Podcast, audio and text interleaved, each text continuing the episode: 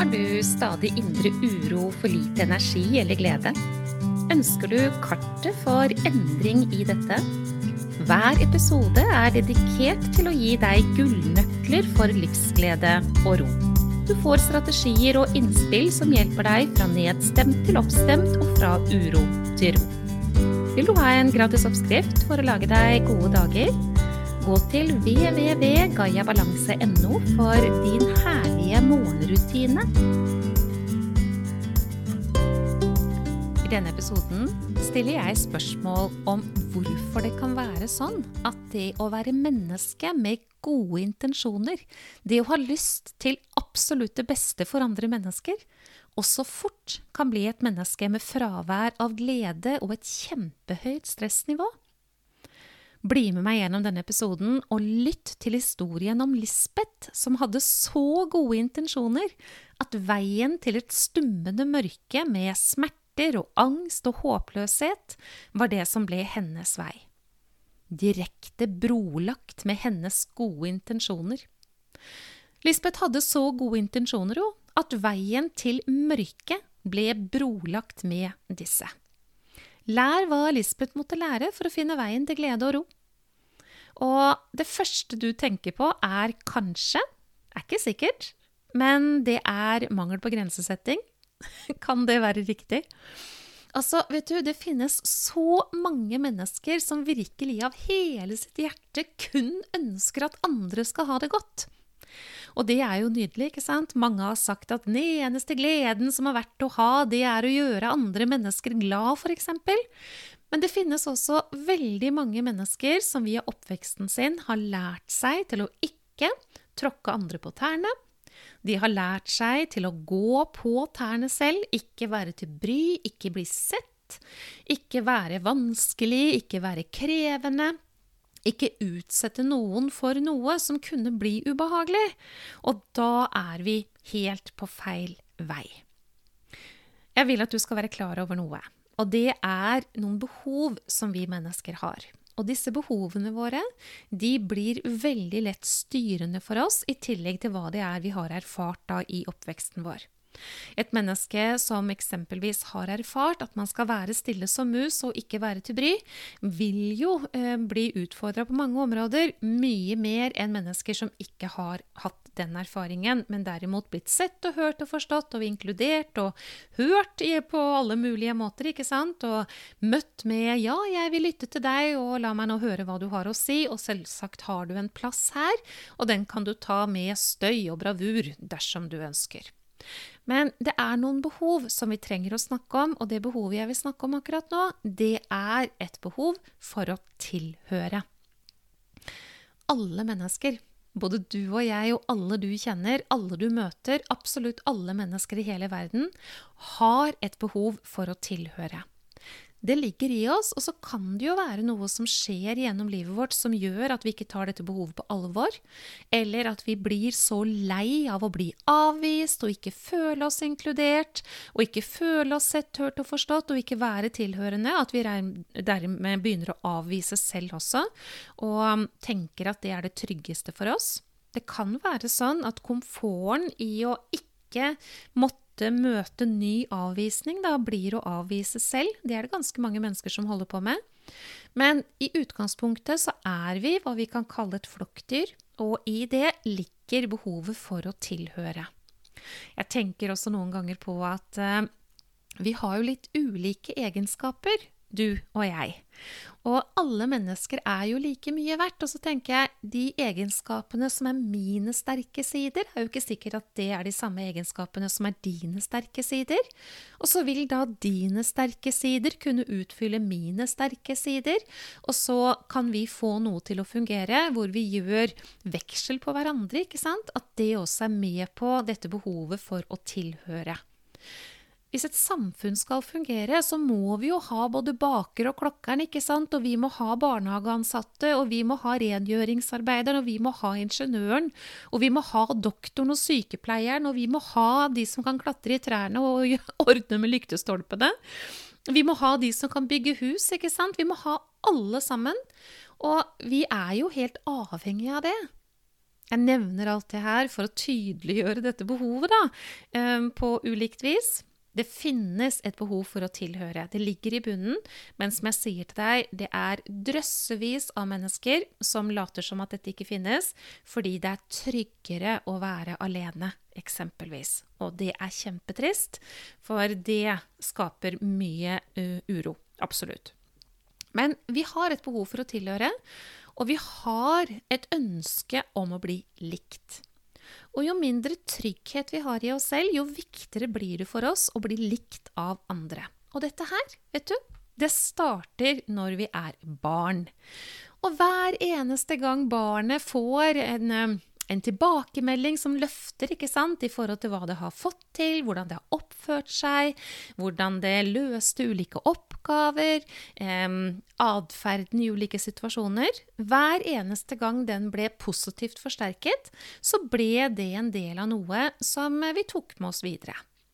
Og hvis denne positive forsterkningen har blitt markant på noe man gjør, Altså 'Å, du er så flink til å tegne', 'Å, du er så flink til å vaske', 'Å, du er så flink til å være stille når pappa sover', 'Å, du er så flink til å ta vare på alle de andre', 'Å, det er så godt at du eh, er her og snakker med meg', 'Det er så godt å snakke med deg', eksempel. Um, jeg møter mange som har fått mye av det der, og som tror da at ja, men da er det vel sånn da at jeg bare skal være til stede for å snakke, eller for å være stille og flink og pen jente osv.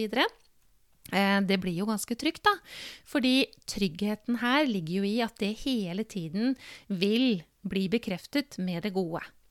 Det er mye lettere å forholde seg til mennesker som oppfører seg på en eh, stille og fin måte, enn mennesker som kanskje ikke gjør det, f.eks. Men jeg vil at du skal forstå at behovet for å tilhøre og vårt ønske om å bli likt blir veldig styrende for oss.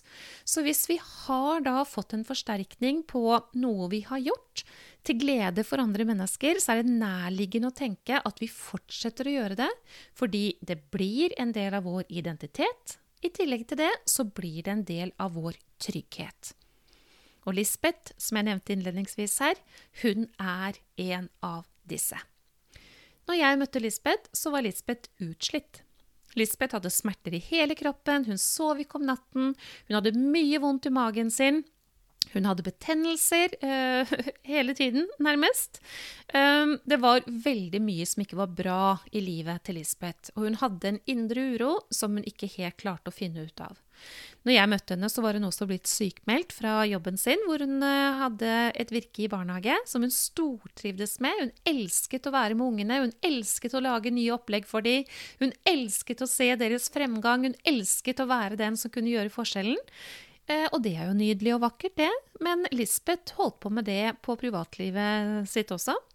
Hun elsket å være den venninnen som alle ringte til. Hun elsket å være den venninnen som var oppmerksom mot alle andre når de hadde det vanskelig.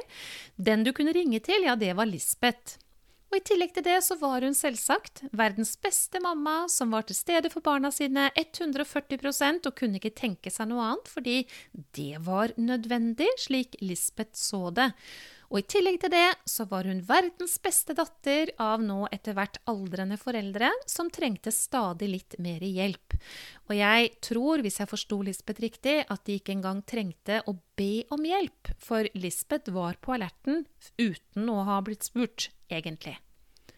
Jeg nevnte for deg veien til mørket er brolagt av gode intensjoner. Jo, Intensjonen er jo å være den beste for andre. Intensjonen er jo å være den gode.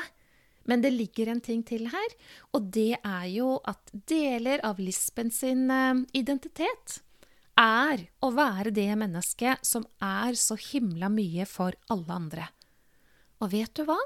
Merk deg hva jeg sier.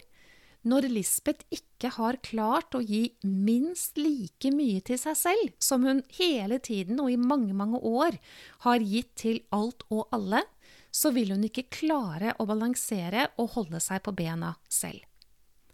Lisbeth hun hadde fått anerkjennelse av å være snill og flink, men hun fikk jo ikke den anerkjennelsen fra seg selv når hun var snill og flink.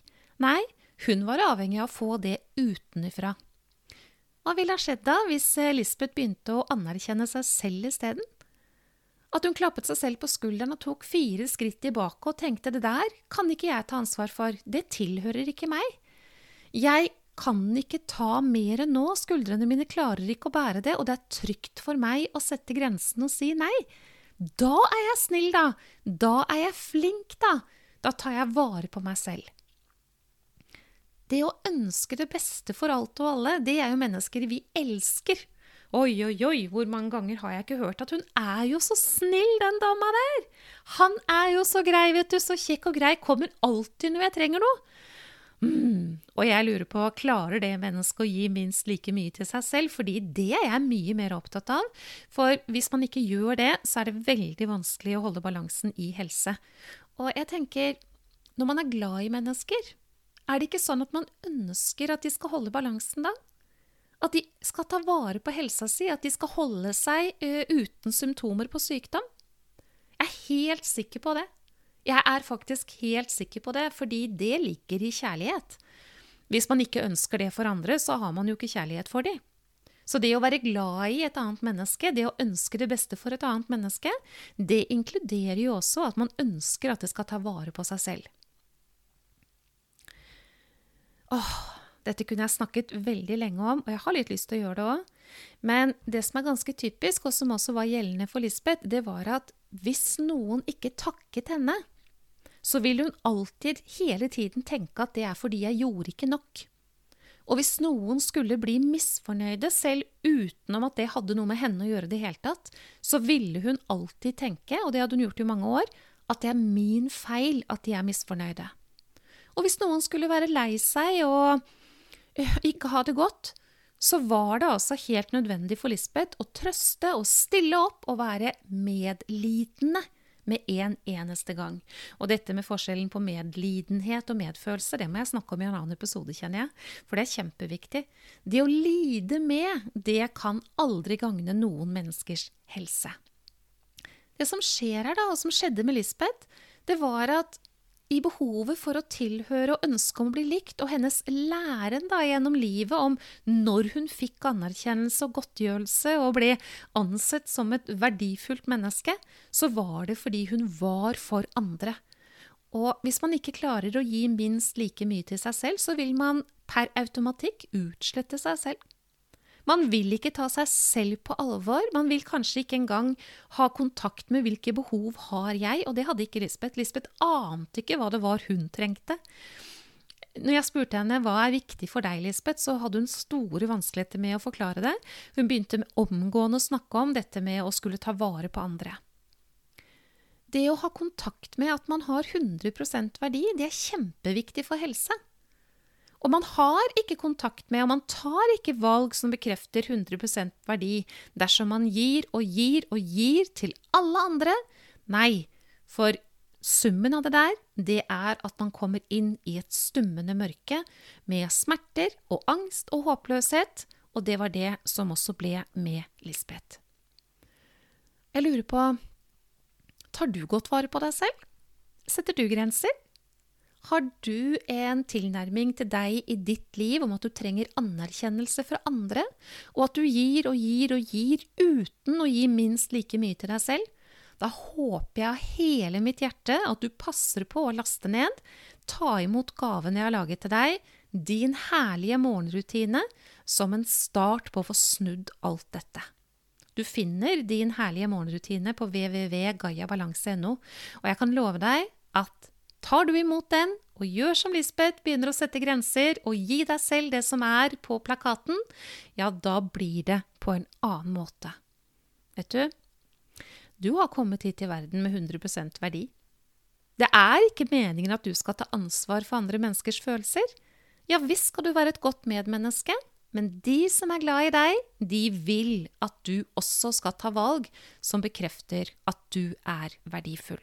Fordi det er avgjørende for din helse.